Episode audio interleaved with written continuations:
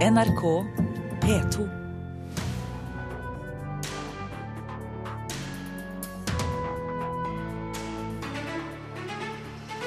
Jeg mener norsk drama har blitt for dyrt.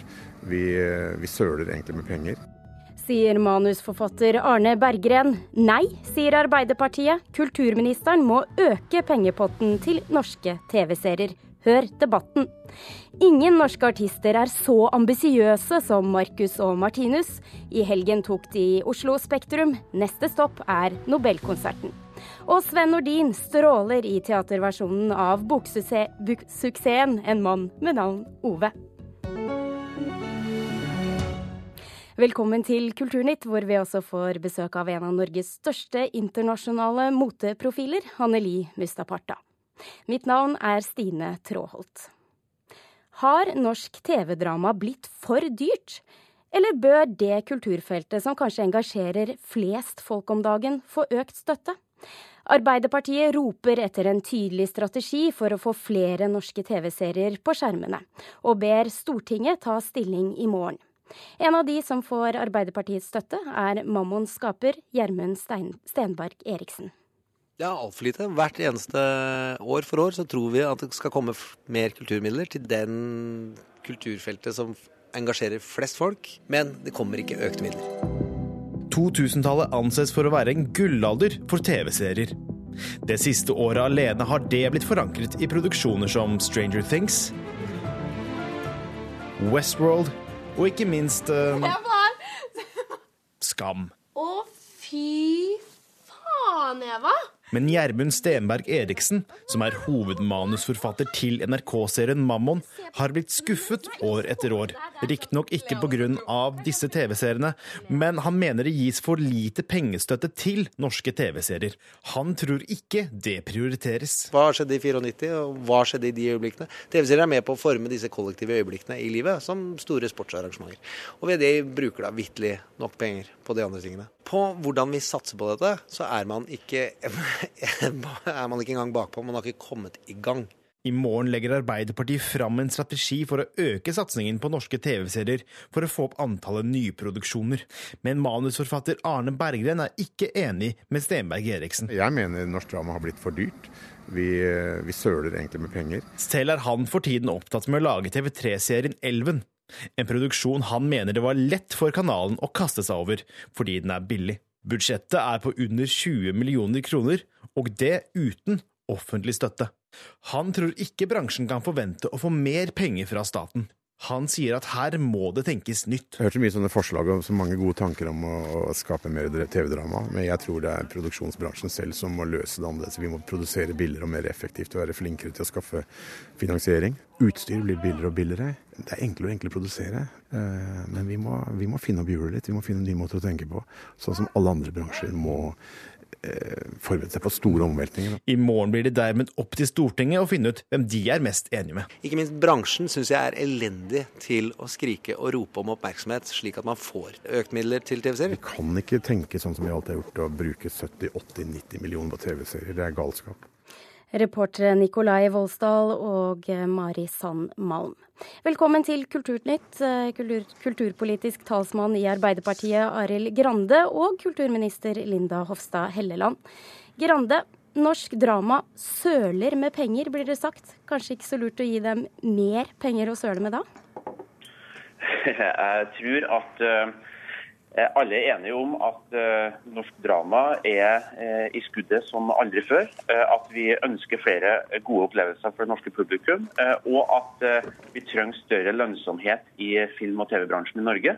Og Da tror vi at det å satse mer på TV-serier vil være et svært viktig og godt steg i riktig retning. Og Hva er denne strategien som dere nå roper etter? Ja, For det første så trenger vi mer penger inn til eh, norsk film- og eh, TV-dramabransje. Eh, det kan gjøres på mange måter. Vi har lansert en rekke forslag som kan bidra til at det satses mer og bedre. Og så er det å bidra til at flere av dem som skaper innenfor film og TV-drama, kan ha muligheten til å leve av det de produserer. Og Det kan få økt profesjonalitet, økt lønnsomhet i bransjen, og at flere talenter kommer fram. og Det vil vi gjerne være med å stimulere til.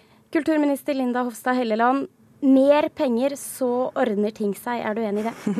ja, det er jo det som er bestandig svaret fra Arbeiderpartiet. Og at eh, det er staten eh, som må komme inn og løse utfordringene.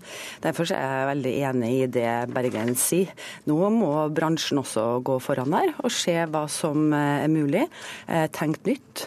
Og vi har alle muligheter foran oss, fordi eh, norsk eh, TV-produksjon gjør det veldig bra for tida. Vi hevder oss internasjonalt. Vi ser at norske TV-kanaler satser på norsk drama som aldri før. Og bare i høst har vi f.eks. tre store norske dramaserier som trekker et stort publikum. Nobel på NRK, Frikjent på TV 2, Aber Bergen på TV3. Eh, som, eh, som, det er stor interesse for eh, internasjonalt. Og, nettopp nå også så vant jo Nobel eh, en internasjonal pris, og ble et du, av tidenes største TV-salg til utlandet. Forklar meg bare, for dette er jo fine fakta. Men hva er den politiske strategien som i dag eksisterer, som du synes fungerer? Ja, Det er en satsing på norsk TV-drama. Eh, Hvordan? Ja, og det, det er ikke, Derfor er det ikke riktig det som Arbeiderpartiet nå prøver å hevde, at det ikke blir prioritert. For over tid så har det vært en, en satsing. Andelen av Filmfondet som har gått til tilskudd til TV-drama, det har økt fra 5% i 2010 til 13% i 2015. Så den økninga fra 5 til 13 det, det sier jo seg sjøl at det har vært en voldsom økning. Det har vært riktig, og den bør fortsette. Så er det sånn at det er Filminstituttet som fordeler fondsmidler, bl.a. til film- og serieproduksjon. Og Stortinget og Arbeiderpartiet har sjøl vært med og beslutta at det er Filminstituttet som skal få større fullmakter inkludert ansvaret for fordeling av fondsmidler på de ulike filmfeltene. Men vi fra Kulturdepartementets side har vært helt tydelige i våre tildelingsbrev om at TV-drama er et satsingsområde, skal være et satsingsområde, og det ser vi også nå fruktene av. Grande, hvorfor er ikke dette nok? Nei, jeg synes Du hørte veldig tydelig i eksempelet som ble brukt, at uh, det er ganske lett å få penger hvis du har en billig produksjon og en produksjon som uh, på en måte kan være en garantert suksess. Eh, men vi trenger, skal vi få fram flere stemmer, eh, flere talenter, eh, og finne på hjulet, som en bruker som eksempel her, finne på hjulet på nytt, så trenger vi også investeringsvilje. Vi trenger penger til sektoren. Og, Men jeg er veldig spent på å høre. Hva tenker du når noen som er der ute nå og produserer TV-drama, og sier at man kan gjøre det for 20 millioner istedenfor 70? Jo, som jeg skulle si nå, at Skam som er en av kanskje de mest nyskapende seriene vi har sett, eh, er jo, ville jo aldri blitt realisert, tror jeg, i et rent kommersielt marked. Eh, det er fordi vi har en allmennkringkaster som har muligheten til å gå inn over tid med en tung satsing, og som tør å satse uten at det nødvendigvis tenkes bare lønnsomhet. Og Derfor så trenger vi at vi har sterke allmennkringkastere. Vi trenger at vi får penger inn til de ulike støtteordningene. Eh, og det som vi ser i dag, med at regjeringa både kutter til norsk film, fjerner krav om bidrag eh, til TV-drama fra kommersielle allmennkringkaster og svekker NRK, vil jo være helt feil medisin eh, for framtida hvis vi ønsker en satsing på TV-serier. Det må du svare på, Helleland. ja. Ja, nei, Det fremstilles jo veldig mørkt og dystert eh, fra, fra, Grande her, som det ofte gjør.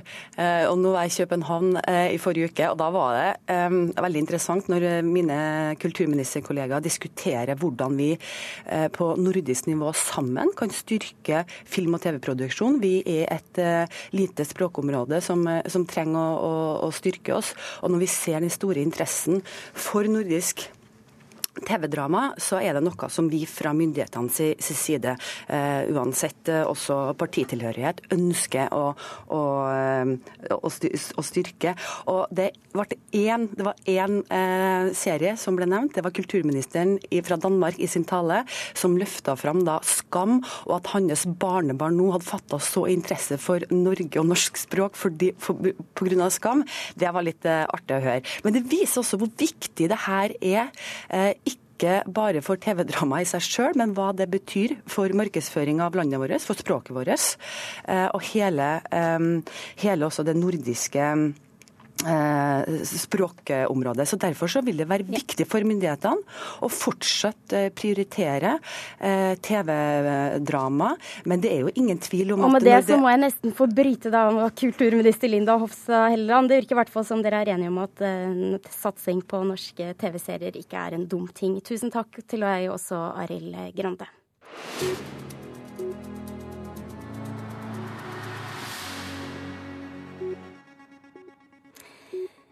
Reporter Mari Sandmalm, vi må få litt av din hjelp til å ta en titt på avisene. For Dagens Næringsliv skriver om nettverkene som representerer noen av norsk, Norges største bloggere. Ja, blogging har gitt eh, mange millioninntekter, og dette fører også til hardere konkurranse mellom nettverkene som styrer bloggernes pengestrøm. Og nå skriver altså Dagens Næringsliv at bloggnettverket United Influencers mister flere profilerte bloggere og på under ett år har fem bloggere og to ansatte forlatt selskapet. Men daglig leder Julie Holst Berntsen hun mener det er naturlig at profiler bytter plattform, slik som bransjen utvikler seg i dag. Og så til noe helt annet, for før helgen så fant arkeologer det de mener er restene av Olav den helliges kirke i Trondheim. Og dette har gitt en ny giv til dem som jakter på graven hans. Ja, funnet av kirken er nemlig den eh, det seneste av flere som gjør at sagaen fremstår som mer troverdig enn tidligere, når de hevder at Olav den hellige ligger under Nidarosdomen. Og direktør Steinar Bjerkestrand ved Nidaros domkirkes restaureringsarbeid, han håper nå å få tillatelse til å grave opp nasjonalhelligdommen for å lete etter kongens beinrester i middelaldergravene under gulvet. Og så må vi etter hvert få anordna et forskningsprosjekt hvor vi håper at vi kan få støtte fra f.eks. For Forskningsrådet til å klargjøre dette, til å grave, til å undersøke og til å forsøke å datere de beina vi har i Nidarosdomen, for å se om noe av det er sannsynlig kan være kongen sjøl.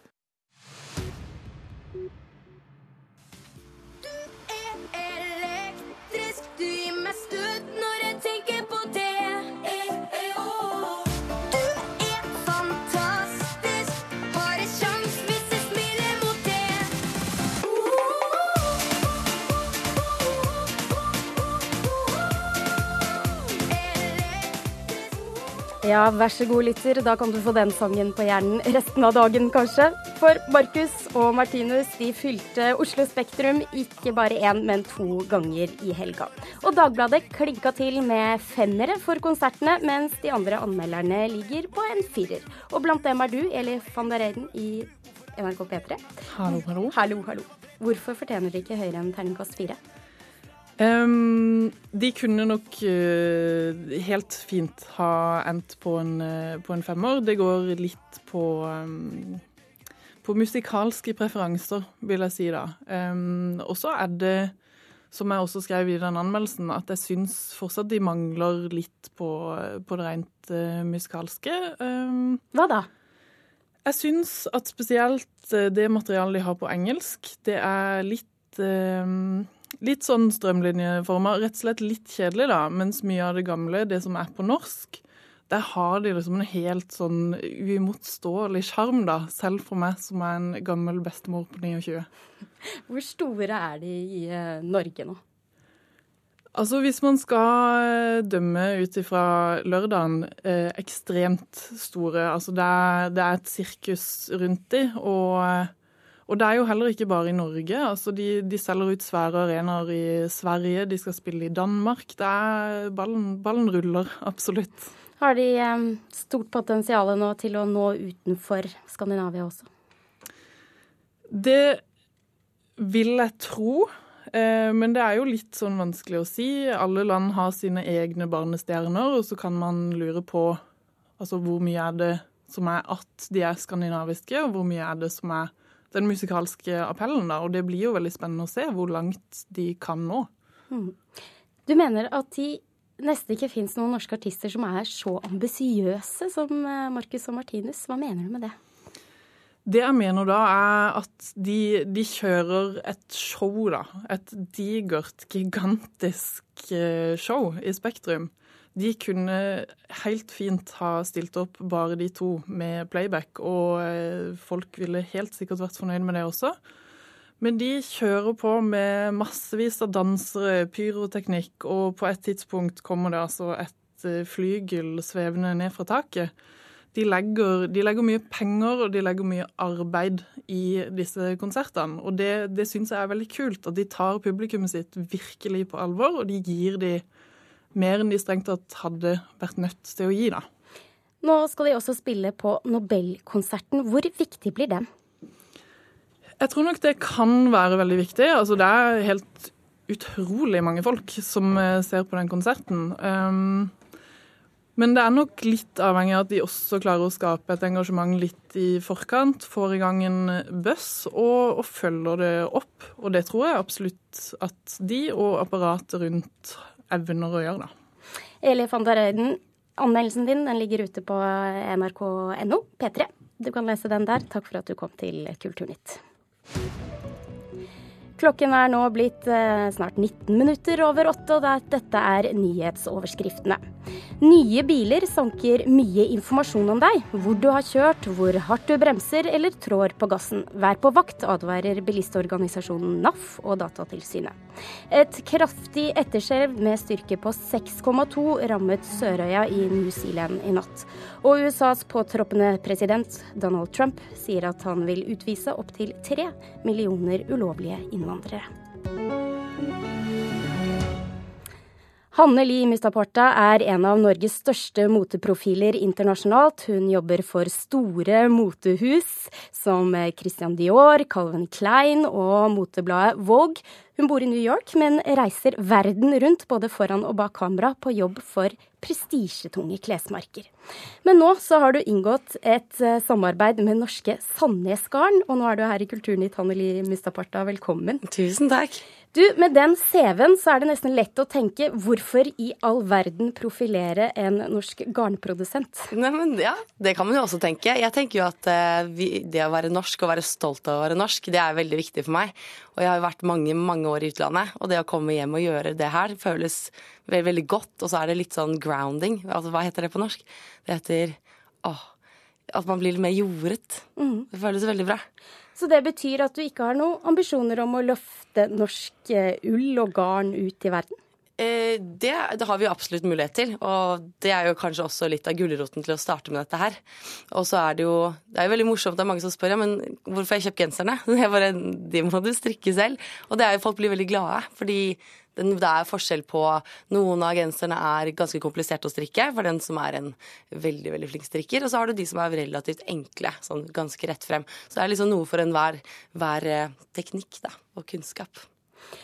Det blir sagt om deg at du er en trendsetter, noe som betyr at det du bestemmer deg for å profilere, ikke bare blir lagt merke til, men også er med på å definere trendene. Og vi skal høre hva moteekspert her hjemme Marianne Jentegård sier om din påvirkningskraft.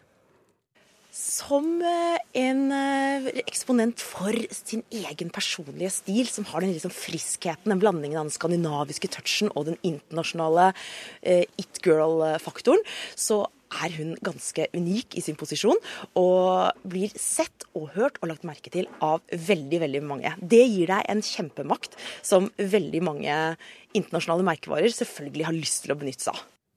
Og mens du nå står og tar bilder med mobiltelefonen Snapper! Jeg er, er det det du gjør? Ja, jeg ja, må, fordi, må jo si ifra. Men først så må jeg spørre deg. Ja? Kjenner du deg igjen i denne beskrivelsen her som du får av moteeksperten?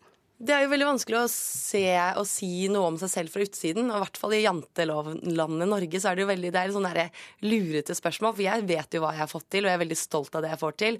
Og jeg vet jo at jeg ser ting på, på Sara eller HM som jeg har gått med fordi jeg fant det i en vintagebutikk, og så plutselig blir det kopiert opp i tusentall i kjedebutikker. Så jeg har jo en viss ja, jeg, jeg, vet jo hva jeg har fått til, men jeg trenger kanskje ikke å si det sjæl. Takk til Marianne som sa det. Det er hyggelig. Hvordan jobber du da for å opprettholde merkevaren Hanneli Mustaparta? Snap? Ja, for, altså, det er jo veldig mange faktorer som spiller inn. Det er um, alt fra hvordan jeg ser ut på en rød løper, om jeg går på moteuken i Paris, så er det jo jeg har en merkevare som på en måte ikke var noe tydelig da jeg jobbet som modell, og da var jeg alle andres på en måte fruktfat, mens eh, nå får jeg bestemme selv. da. Og det er også en ganske slitsom jobb, for du må stå veldig opp for deg selv. Og du kan ikke la humla suse og håpe at alt ordner seg. Du må si ifra hvis ting ikke føles riktig. Hvis en makeupartist gjør en litt sånn corny makeup som du ikke pleier å se ut som, altfor mye øyenskygge i forhold til det jeg pleier. Sånne små ting som høres ganske trivielt ut. Men eh, og frem til liksom de store tingene som hvilke antrekk man skal ha på. Uh, og hvem man samarbeider med, ikke minst. Det har jo med noe med hva jeg kan stå inne for. Og jeg er jo et uh, forbilde også, så for meg er det viktig å ikke uh, bli fotografert med alkohol, og prøve å liksom fremme sunne verdier oppi det hele. Du var en av dem som startet å blogge veldig tidlig, men så vidt jeg kan se nå på bloggen din, så har du ikke oppdatert den på et år. Hvorfor Nei, ikke det? Den har jeg, jeg føler egentlig at jeg ikke har blogget ordentlig på tre år. Jeg har vel kanskje lagt ut noe. Men det er en sånn naturlig evolusjon som har bare skjedd fordi alt jeg gjorde på bloggen, drømte jeg om å gjøre i storskala, og det har jeg jo fått til. Og det føles litt bakvendt at man skal sitte og gjøre det som på en måte er litt sånn enmannsshow, istedenfor å gjøre det jeg kan gjøre med team på 30-40 stykker, og få til det jeg virkelig liker å jobbe med. da. Så nå, ja, det er jo det som er kult med det. Det ble et visittkort for hva jeg kan få til med å gjøre bloggen. Og, for jeg er ikke så veldig flink å fremme meg selv. Og da er det veldig deilig at arbeidet mitt kan stå for seg selv, og så kan de som liker det, bli interessert på den måten. Til slutt, det er kanskje ikke så vanskelig å forstå nå etter at vi har hørt deg snakke litt, hva eh, en norsk garnprodusent kan få igjen for å samarbeide med deg. Men hva får du igjen for å samarbeide med de? Jeg får, Mye penger? Eh, det, man må jo få lønn for et arbeid man også gjør. Men eh, det er jo selvfølgelig Jeg får masse igjen av det. Det får jeg får gjort noe i Norge som jeg har ønsket å gjøre i mange år. Jeg har jo vært litt sånn generelt opptatt av eh, hvordan strikketøy sitter på kroppen. Og jeg har jo fått noen gensere av en bestemor eller en, en, en slektning som kanskje ikke har sittet så fint, og så har jeg fått veldig dårlig samvittighet, fordi det er mye arbeid som ligger bak en så nydelig genser. Og så har den bare en litt sånn annerledes passform enn det jeg ville gått med. Da, så jeg har egentlig hatt lyst til å gjøre det her i mange år, og det er kanskje noe av det viktigste med kolleksjonen. Da, at den sitter utrolig fint. Det er ting du kunne faktisk gått og kjøpt på Celine og store brands, da. Hanne Liv Mustafarta, tusen takk for at du kom til eh, Kulturnytt. Tusen takk. I tusener av år har den bokstavelig talt båret menneskeheten fram og tilbake. Og i helgen så ble det endelig gjort stas på en av lekeplassens store slitere. Og mer dudde mi. Ja, dytte deg mer. På Løren i Oslo fryder to år gamle Emma og mamma Veronica seg over det som har gledet barn siden hulemalerienes tid. Det tok sin tid, men nå får Huska endelig som fortjent. Som offisielt medlem av det amerikanske leketøysmuseet The Strong sin nasjonale Hall of Fame for nettopp leker. Hvorfor? Nei, det er uh, gynginga. Det barn liker gynging. Tror du ikke det? Og farten. Fra før av er klassikere som Gyngehesten, Rulleskøytene, Kortstokken og ikke minst Pinnen og Pappesken å finne i Lekenes hedershall. Her fins også Star Wars-plastfigurene som kom på 80-tallet. Og andre favoritter som for eksempel I just moved into my newest, biggest dreamhouse ever. Dungeons and Dragons. Rubik's Cube, introducing Gameboy. Og på huskestativet i Oslo har mamma Veronica og to år gamle Emma en klar favoritt når man nå skal begynne å tenke på neste års kandidater. Sklier også er jo veldig gøy. Sklia mor Emma? Gå fort. Ja, gå fort. Reporter Gjermund Jappé.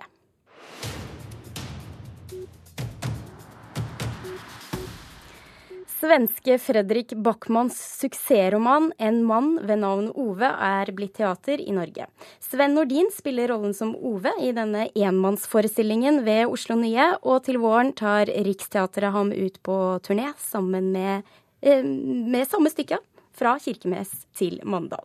Og la oss høre en liten smakebit fra forestillingen. Jeg har aldri eid ei vekkerklokke i hele mitt liv. Jeg våkner kvart på seks. Da står jeg opp. Ti på seks så setter jeg over kaffen. Én måleskje per kopp pluss en ekstra for kanna, verken mer eller mindre. Sånn har kona og jeg lagd kaffe i 40 år. Folk kan ikke den slags lenger. Trakte en skikkelig kopp kaffe. Nei da. Nå skal det bare være espressomaskiner, data og internett. Litt forkjøla Sven Nordin der. Teaterkritiker eh, Karen Frøstrand Nystøl, du var på premieren i forrige uke. Og så langt så har denne forestillingen høstet gode kritikker. Er du enig? Ja, det er ei god forestilling. Eller Sven Nordin gjør ei veldig god forestilling. Vi hører at han er en grinebiter, det hørte vi jo allerede i kuttet her. Det, denne boka, 'En mann med navn Ove', har blitt solgt i over 100 000 eksemplarer i Norge, så det er kjent materiale han skal turnere med.